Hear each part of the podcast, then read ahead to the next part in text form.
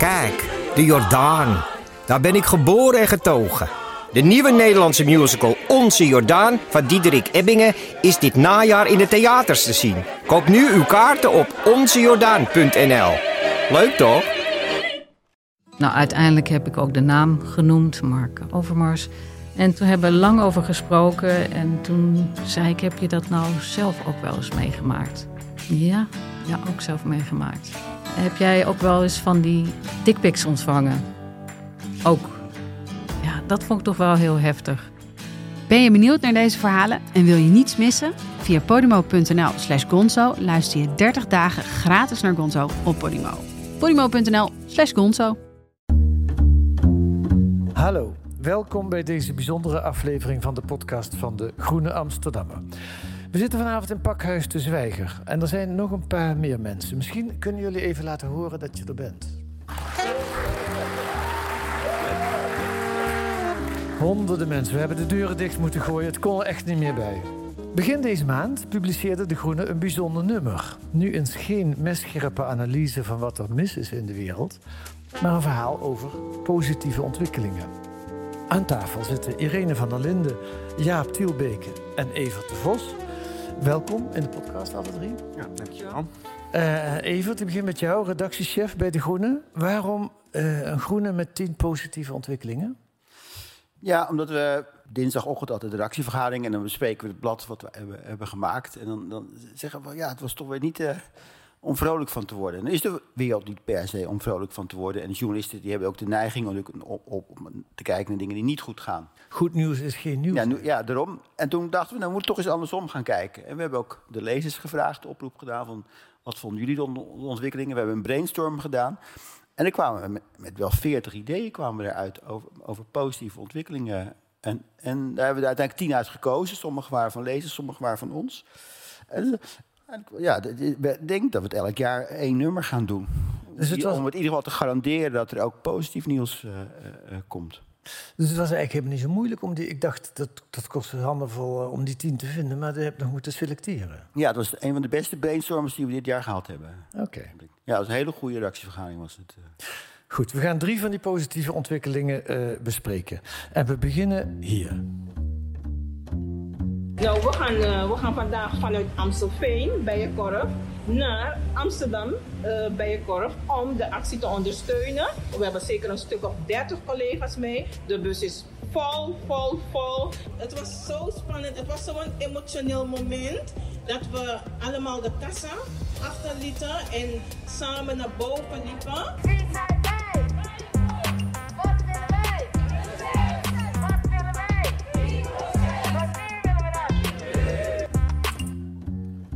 Evert, wat zien we hier? Het zijn uh, werknemers en werknemsters van de Bijkorf...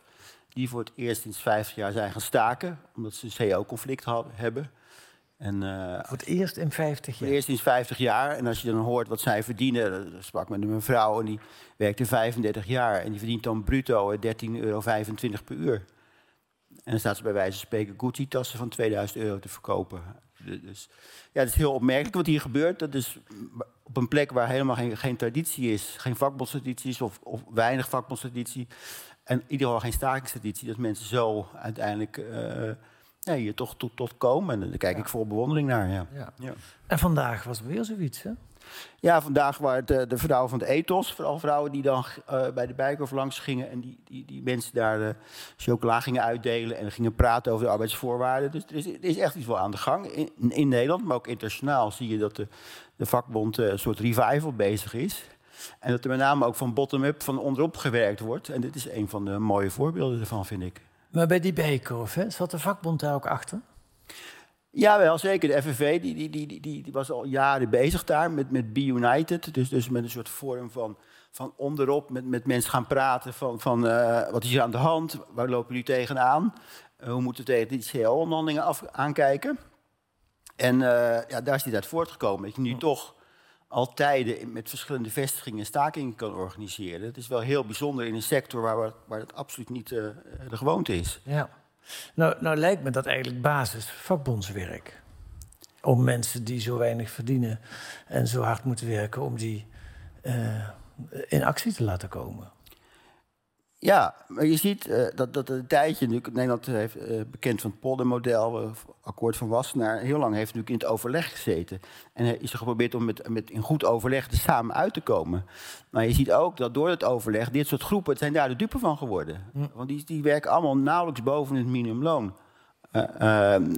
Ze worden zelfs gedwongen in het minimumloon te blijven werken door allerlei subsidieregelingen die de werkgevers ook nog krijgen. Ja. Dus, dus je kan zeggen dat de vakbond een tijdje heeft laten liggen en dat nu weer oppakt. Nou, dat vroeg ik me af. Hoe kan het dat de vakbond dat vergeten is? Wat is er gebeurd? Wat is er misgegaan? Nou, kijk, winkelpersoneel. De vakbond was sterk in de zware industrie, in de ambtenarij. Daar was, waren vakbonden altijd sterk uit de jaren 70, 80. Dat is verminderd, door ledenaantallen daalden. En dit soort nieuwe sectoren, of dit soort, eh, die winkelsector, daar waren ze altijd vrij zwak in. Dus, dus, je ziet ook in Amerika, ook bij Amazon komt het nu op. Je ziet op plekken waar geen vakbondstraditie is, mhm. mensen daar nu wel uh, toe te krijgen zijn. En, en het, ja, het mooie vind ik, uh, ik, ik, sprak met een vrouw, met, met Vera, en die, uh, die zei van, ik kreeg opeens een microfoon in mijn hand en ik heb mijn speech gehouden. Ik heb mijn collega's uitgelegd waarom ik ben gaan staken en wat daar het belang van is. En dat is wel de waarde, vind ik, van, van zoiets als een vakbeweging. Dat het is een organisatie met miljoenen leden, of meer dan een miljoen leden, als je alle vakbonden bij elkaar opdeelt. En het is een van de weinige organisaties waar mensen nog ja, met z'n allen en samen voor elkaar opkomen. Op, op een, eh, ja, toch vind ik, positieve manier. Wat is eigenlijk het positieve? Dat mensen gaan staken of dat de vakbond groter wordt?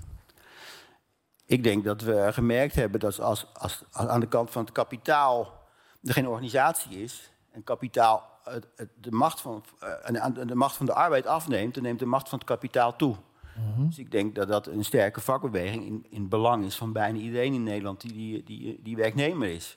Je ziet, uit, uit allerlei onderzoek blijkt ook dat er van de winst een steeds groter gedeelte naar de aandeelhouders gaat en een steeds kleiner gedeelte naar de werknemers. Ja, ja. En dat heeft puur met machtsverhoudingen te maken. Ja, ja. en het gekke is dat tegenover staat een vakbond die de afgelopen pakweg 20 jaar uh, vorig jaar zijn ze voor het eerst onder het miljoen leden gezakt. De organisatiegraad was vorig jaar 17 procent. Mhm. Dus 83 procent was niet georganiseerd. Um, dat, is, dat is toch eigenlijk heel raar. Aan de ene kant dat je dus ziet dat de macht van het kapitaal, om maar eens even die oude marxistische term te gebruiken, toeneemt. En dat de macht, de, de vakbonden de, uh, afkalven. Ja, uh, je weet toch niet. Kijk, het was het, het, de goede ontwikkeling van 2022. Want we keken naar keerpunten, en dit, in dit geval de revival van de vakbeweging, die nu hebben plaatsgevonden. Maar of het stand houdt en hoe het verder gaat, dat weten we nu niet. Maar het was wel, het is nu, als je ook in Amerika, ook in Engeland, waar nu hele grote stakingen zijn, de vakbond weer groeit. Je ziet wel dat het interessante ontwikkeling is. En het kan een keerpunt zijn. Ik, we zeggen niet dat het gaat worden, maar het kan. En uh, ik ben sowieso ben ik wel voor journalistiek waar een soort vorm van empowerment in ziet. Dat je overal kijkt waar mensen het heft in eigen hand nemen. Dat we daar als, als journalisten ook wel uh, dicht bovenop moeten zitten om daar verhalen over te maken. Dat is een mooie afsluiter. En een mooie overgang naar het volgende. We gaan naar Os met Irene van der Linden. Als je ziet hoe de opkomst is, jongens, meisjes, uh, door elkaar, Ossenaren, uh, nieuwe Ossenaren. Uh, als je dan de sfeer hier binnen ziet, fantastisch. Heel uh, sportief en ook heel fanatiek. Ik vond het super gezellig. Het was heel uh, warm. Iedereen was heel lief voor elkaar. Mensen hebben gevoetbald. Je zag echt dat de jongens met elkaar echt verbroederden. En dat ze met elkaar gesprekjes aan het voeren waren. En strategieën aan het bedenken. En, dus ik dacht van, oh, wat ik eigenlijk uh, wil, dat komt nu echt van de grond. Dus dat is fijn. Ik hoop dat dat na het toernooi ook verder gaat. Dat was Angelo Schuurmans in een fragment van 412 TV uit Os. Zeg ik dat goed, Irene? 412 TV? dat stond er volgens mij. Ja, ik weet niet precies hoe, je dat uit, hoe ze dat willen uitgesproken hebben. Um, en die laatste was Angelo Schuurmans, Irene. Ja, dat klopt. Um, hoe bijzonder is zijn verhaal? Hoe bijzonder is wat daar in Os gebeurt? Neem ons eens mee. Nou, wat ik er heel bijzonder aan vind, ik, ik zal heel, misschien is het goed om heel even kort iets over Angelo Schuurmans te zeggen. Hij uh, was in 2015, 2016 uh, op een, uh, naar, naar, naar een eiland in Griekenland gegaan. Om toen er zo ontzettend veel Syriërs vluchten vanuit Turkije naar Griekenland. En had geholpen in een uh, vluchtelingenkamp. En, en daar had hij twee of drie weken gewerkt. En had daar mensen uit zee geholpen. En had alles gedaan. Er was natuurlijk toen een ontzettende pa paniek. En iedereen kwam daar nog helemaal berooid aan. En had daar echt puur gewoon mensen die er rechtstreeks uit de oorlog kwamen gezien. Vrijwilligerswerk is dat? Gewoon vrijwilligerswerk, wat toen heel veel mensen deden. En hij kwam terug naar Oost, naar zijn woonplaats. En hij had daarvoor heel lang in het buitenland gezeten. En uh, net in die periode was er in Os ontzettend verzet tegen AZC, wat in een uh, oude belastingkantoor zou komen. En sowieso tegen de komst van vluchtelingen. Het was een echt vrij extreem. Het was ook de plek waar door de varkens werden opgehangen. Het plek waar het AZC zou komen. Grote demonstraties. En hij dacht van, hé, hoe kan dit nou? Uh, ik heb net die mensen gezien, die zijn net als ik. Die hebben ook een moeder die ongerust is, dat ze geen eten hebben. En het was mijn moeder ook toen ik daarheen ging. En het zijn gewoon precies mensen. En waarom helpen we ze niet? Hoe kan dit, deze ontzettende angst en dit verzet zo groot zijn? En uh, hij is toen naar de uh, gemeente gestapt en heeft gezegd: mag ik, iets, mag ik dingen organiseren? Want volgens hem was de oplossing: we moeten mensen in contact brengen met vluchtelingen. Want dit is vast bij hem gebeurd en hij was ervan overtuigd, dan zou die angst. Even, even over hem. Hij, was een, hij is een acteur, hè? Hij was toen gewoon een acteur. Hij had tien jaar in Amerika gezeten. In Los Angeles had hij een theateropleiding gedaan en had hij ook gewerkt. En hij kwam nu terug. Van Los Angeles terug naar Os. Ja, en dat was, zegt hij zelf, ook een reden dat hij een beetje verbaasd was over wat er gebeurd was, omdat hij zo lang niet daar gezeten had. En het is een succesverhaal. Ja, het is een ontzettend succesverhaal. Nou, het begon natuurlijk klein, want hij is toen in opdracht van de gemeente... die waren heel blij met zijn initiatief...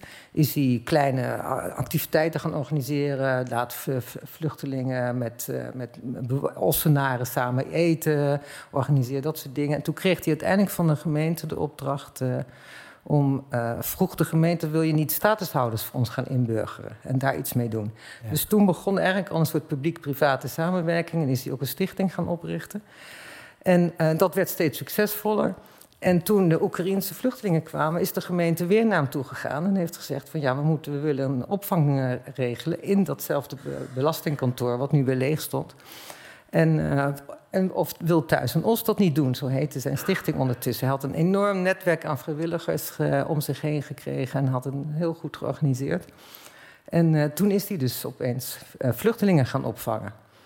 Dus toen werd, was er eigenlijk een nieuwe stap. En de gemeente heeft ook geholpen met het oprichten van zijn stichting. En, en, en ook echt geld gegeven daarvoor. Dus het was een interessante combinatie. Ja, het is misschien wel de enige plek in Nederland waar Oekraïners en, en gewone vluchtelingen, zeg ik maar. Ja, maar dat was eigenlijk de volgende stap. Want voor Oekraïners is het natuurlijk normaal. Hè? De gemeente ja. was verantwoordelijk voor de opvang van Oekraïners.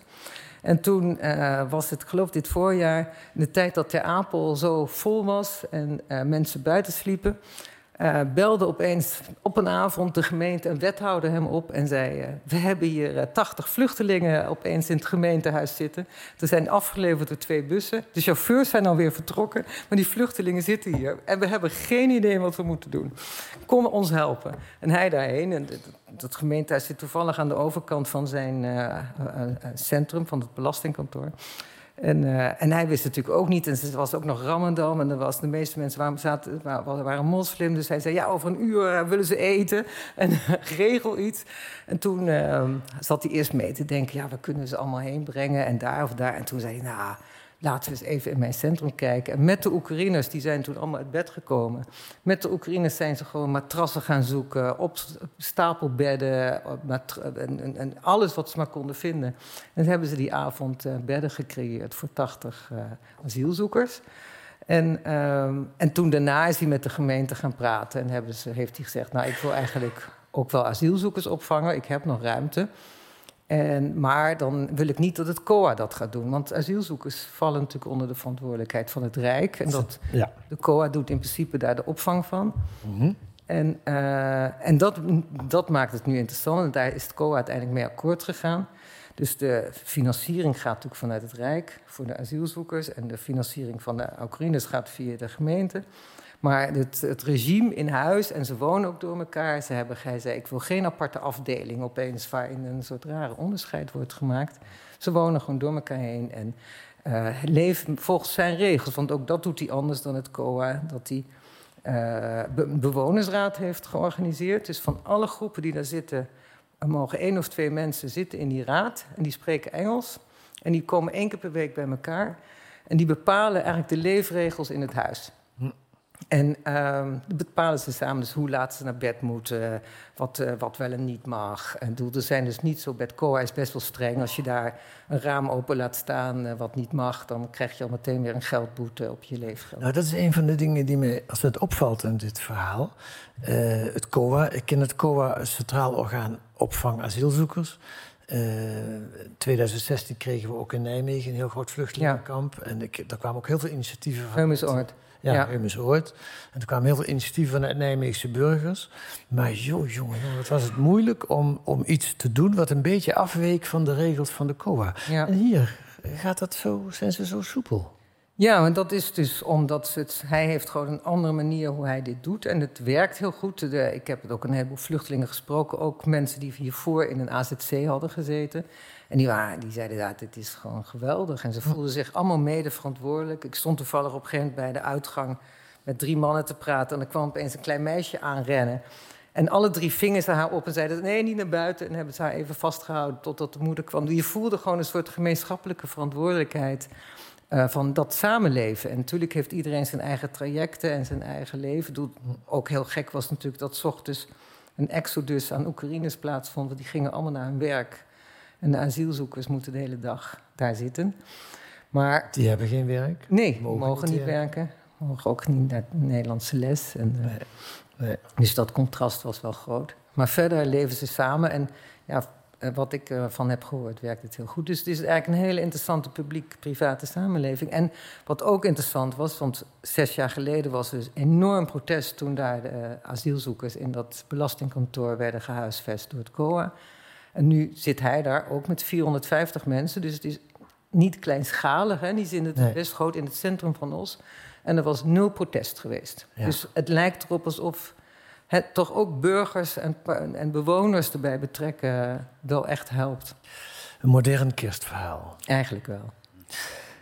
Nou weet ik van uh, bijvoorbeeld het AZC in Nijmegen, het asielzoekerscentrum, maar ook van toen in Heumensoord, dat er af en toe ook flinke spanningen zijn tussen asielzoekers. Het zijn vaak ook mensen met niet de makkelijkste uh, verledens, nou noem maar op, heel vluchtverhaal. Hoe, gaat dat in Os? Vechten ze niet met elkaar? Nee, er zijn nooit problemen. Hij heeft nog nooit problemen gehad. Het is natuurlijk de tijd dat het bestaat nu, een paar maanden. Heeft hij. En ik denk ook dat het mede komt omdat vluchtelingen meer zelfverantwoordelijk heeft gemaakt. Maar um, niemand, dat kan natuurlijk ook geen uitspraak over doen. Maar hij heeft in ieder geval nog geen problemen gehad. Dus ik, ik denk wel als de, de, de, de, druk groter is, dus de regels strenger, dan gaat, krijg je ook wel misschien ja. eerder problemen. En als Angelo, Angelo Schuurmans er nu mee ophoudt in Os? Nou, waarschijnlijk zijn, daar heeft hij nu zo'n stevige organisatie. Want het is natuurlijk nu niet meer alleen maar vrijwilligers waarop dit drijft. Hij heeft nu ook sinds hij dit, dat, dat deze, uh, dit, dit centrum moet, uh, moet regelen en verantwoordelijk is, wel echt mensen in dienst. Ja. Dus ik denk dat er langzamerhand wel iets is wat overgenomen kan worden. Hij heeft het eigenlijk echt neergezet. En wat heel toch mooi aan is, en ook het positieve, is dat je ziet dat je als één persoon echt wel een verschil kan maken. Hij heeft het gewoon gedaan als 30-jarige acteur. En ja, hij is alleen geen acteur meer, maar verder... Nee, is een acteercarrière gaat ja. wat minder misschien. Dankjewel, Irene. We gaan naar Jaap. Jaap Tielbeke. Nog een zonnetje in huis bij de Groene Redactie. Gekend redacteur met als specialisatie het milieu. Uh, dat viel niet mee, denk ik, Jaap, om iets positiefs te vinden bij het milieu? Ja, dat zou je denken. En ik bedoel, als je je daar dag in dag uit mee bezighoudt, dan uh, word je wel eens bevangen door buien van moedeloosheid. Maar ik denk dat het toch ook wel, ook die brainstorm, die, die, die spoorde mij toch ook wel aan om ook af en toe, zelfs op dit vlak, klimaat, milieu, zijn er wel degelijk hoopvolle ontwikkelingen te ontwaren. En het is ook goed om daar als journalist aandacht aan te besteden. Voordat we daar naartoe gaan, eerst een korte intro. We kennen Johan Vollebroek, die met zijn Mobilization for the Environment rechtszaak na rechtszaak wint en de overheid dwingt tot een stikstofbeleid. We kennen Roger Cox, die via de rechter zelfs Shell namens Milieudefensie tot strenger klimaatbeleid dwingt. En dan is er natuurlijk Urgenda, die de overheid dwingt om zich aan haar eigen voornemens te houden. Maar wat we nog niet kennen, is dat de bomen of de Noordzee zelf een rechtszaak beginnen. Misschien gaat dat nog wel gebeuren. Wij stellen ons ten doel om de Noordzee gerepresenteerd te krijgen in Nederland als politieke entiteit die namens zichzelf kan spreken. De hoofdvraag in deze casus is: blijft de staat in gebreken met de representatie van de Noordzee? En hoe staat zo'n rechtspersoon tegenover inmenging van de mensen, als je het ziet als organisme. Die mensen die, die interfereert iedere keer, hè, die breekt in. En is dat dan een inbreuk inderdaad, of een aantasting? En wanneer is dat wel zo, wanneer is dat niet zo? De Noordzee vraagt iets van de rechter. Wie is de Noordzee om zoiets te vragen? Kan de Noordzee namens zichzelf spreken? Ja, was je hierbij? Ja, ja, ja. ja. Wat zien we? Dit was een soort proefproces um, in een zijvleugel van het Vredespaleis, een symbolisch gekozen locatie natuurlijk. Um, en die proefzaak werd aangespannen door de ambassade van de Noordzee. En dat is een club kunstenaars, filosofen, ontwerpers. En die hebben vijf jaar lang geluisterd naar de Noordzee. Um, op allerlei manieren. Vroeger deden we dat met zo'n schelp tegen onze oren. Ja, ze hebben allerlei andere uh, innovatieve methoden toegepast. Um, en nu was het moment gekomen waarop die Noordzee ook wat terug zou zeggen. Waarin zij eigenlijk in een soort ja, de setting van een rechtszaal uh, betraden. Om eigenlijk te onderzoeken de vraag: wordt de Noordzee in het huidige rechtsstelsel voldoende uh, vertegenwoordigd? En zo nee, hoe kan dat dan beter? Nou, het antwoord lijkt me simpel. De Noordzee wordt niet vertegenwoordigd in ons rechtssysteem, of wel? Nee, dus de reden waarom ik daar was en waarom ik dit heb uitgekozen... is dat dat onderdeel is van een soort bredere trend... een bredere ontwikkeling over rechten voor de natuur. Uh, dus de zaken die jij net opnoemde... Roger Cox, uh, Johan Vollenbroek... die proberen op te komen voor het milieu en ja. voor het klimaat... maar die blijven binnen de bestaande kaders van het recht... Nu kan je zeggen, dat is best succesvol. Die hebben ook echt tastbare resultaten geboekt. Dus ja, waarom is eigenlijk die andere, uh, ja, waarom zijn die kaders, moet je die eigenlijk oprekken? Binnen het huidige rechtssysteem zijn er voldoende handvatten om milieu en de natuur te beschermen. Ja. En nou ja, zij denken daar anders over. Zij denken we moeten af van eigenlijk het uh, antropocentrische blik op het rechtssysteem. Het wordt tijd dat we ook toegaan naar een rechtssysteem waarin bossen, bergen of uh, de Noordzee een rechtspersoon wordt. Nou klinkt dat, ik heb jouw stuk gelezen natuurlijk, gekker als je het zo zegt dan als je jouw stuk leest. Want wat jij op een gegeven moment is een bedrijf is ook een rechtspersoon. Terwijl een bedrijf is ook maar een afspraak tussen mensen. Ja, precies. En, en het is ook geen nieuw idee. Hè. Vijftig jaar geleden was er al iemand, een Amerikaanse rechtsgeleerde Christopher Stone die schreef uh, een, een, artikel, Should Trees Have Standing? En dat ging dan ook om een... Should Trees Have Standing? Ja, dus je begrijpt de woordgrap ook. Standing is ook natuurlijk het juridische begrip of je ja, rechtspersoon bent... of je in een rechtszaal gehoord kan worden. En daarin betoogde hij eigenlijk, dat ging over de bescherming van een bepaald bos... waar een snelweg doorheen zou komen. Uh, dat werd geprobeerd door de Sierra Club, een milieubeweging om uh, daar een zaak over aan te spannen. En toen zei de rechter, maar jullie hebben niet voldoende belang daarbij. Jullie kunnen niet aantonen dat jullie daar belanghebbende bij zijn. Zei hij, waarom moet, zo waarom moet dat via die omweg? Waarom zou het bos zelf niet als belanghebbend uh, aangewezen kunnen worden? En daar werd toen zeker een beetje lacherig over gedaan. Want ook vanuit het idee van, ja, maar de andere kant van de medaille... als je rechten hebt, dan heb je ook plichten. Dus kan ik dan straks ook een boom aanklagen als er een appel op mijn hoofd valt? Ja, weet je wel, dat idee. Ja. Um, maar ja, die hele beweging van rechten voor de natuur gaat er toch vanuit. Er zijn inderdaad andere rechtspersonen, niet mensen. Uh, zoals een bedrijf, maar ook zoals bijvoorbeeld, dat is dan wel een mens, maar een, een, een kind, een, baby, die heeft ook rechten zonder dat daar plichten per se tegenover zijn. Nou ja, en het bijzondere is, het is niet alleen maar theorie. Er zijn, in Spanje bijvoorbeeld, is een binnenzee die rechten heeft. Ja, dat is een van de redenen waarom we het ook onder de hoop van ontwikkeling van 2022 hebben geschaard. Dat was eigenlijk het eerste Europese natuurgebied wat die status kreeg. Het is een het is wel een idee wat ook teruggaat veel op uh, ja, inheemse volkeren. Bijvoorbeeld in Nieuw-Zeeland is het er al veel langer zo dat een, een berg en een rivier rechtspersoon hebben.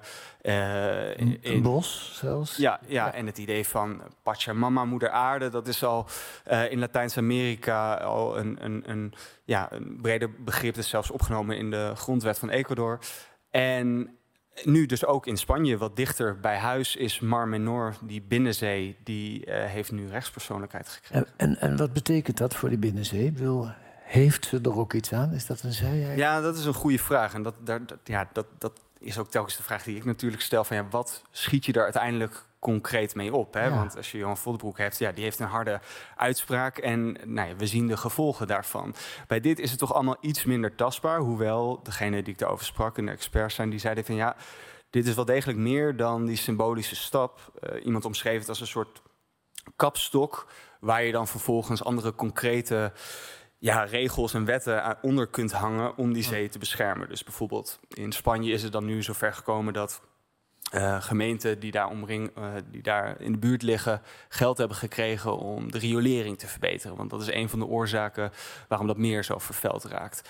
Maar ik denk in den brede gaat het wel degelijk, denk ik ook, dat die symbolische kracht misschien nog wel veel groter is. Want het prikkelt natuurlijk ook een beetje de verbeeldingskracht. Het ja. prikkelt ook, of het nodigt uit echt tot een herziening van onze verhouding tot de natuur. Ik denk dat dat ook ja, de grotere missie is die die hele beweging wil bewerkstelligen. En dat het veel meer dan dat gaat om, ja, dus zeg maar, het recht is ook altijd een afspiegeling van hoe wij naar de wereld kijken en wat we waarde toekennen. Hm. En nu is dat heel erg, uh, ja, antropocentrisch. En zij pleiten dus voor een meer ecocentrisch wereldbeeld. Als je in die rechtszaal zat van de ambassade van de Noordzee, was een vrij ongewone rechtszaak. Daar ging het ook best wel filosofische bespiegelingen over het antropoceen. De rechter werd uitgenodigd om met in, in aquaria ja. het water te tasten om bodems te voelen. Dus het is, ja, het was bijna een soort, soort, ja, een soort middenweg tussen een kunstproject en, maar wel echt in die formele setting van een rechtszaal. Ja. Dankjewel. Ja, het is uh, duidelijk ook een positieve ontwikkeling van uh, vorig jaar.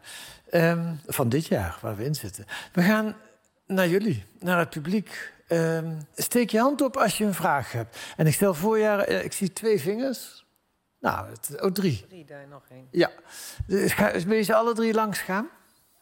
Um, de hele podcast begon met een nogal vooringenomen standpunt dat uh, goed nieuws geen nieuws is. Is dat niet een heel raar soort aanname voor journalisten? Want ik denk dat goed nieuws, zeker in deze tijd, heel erg veel aandacht zou moeten hebben, omdat het nieuws is.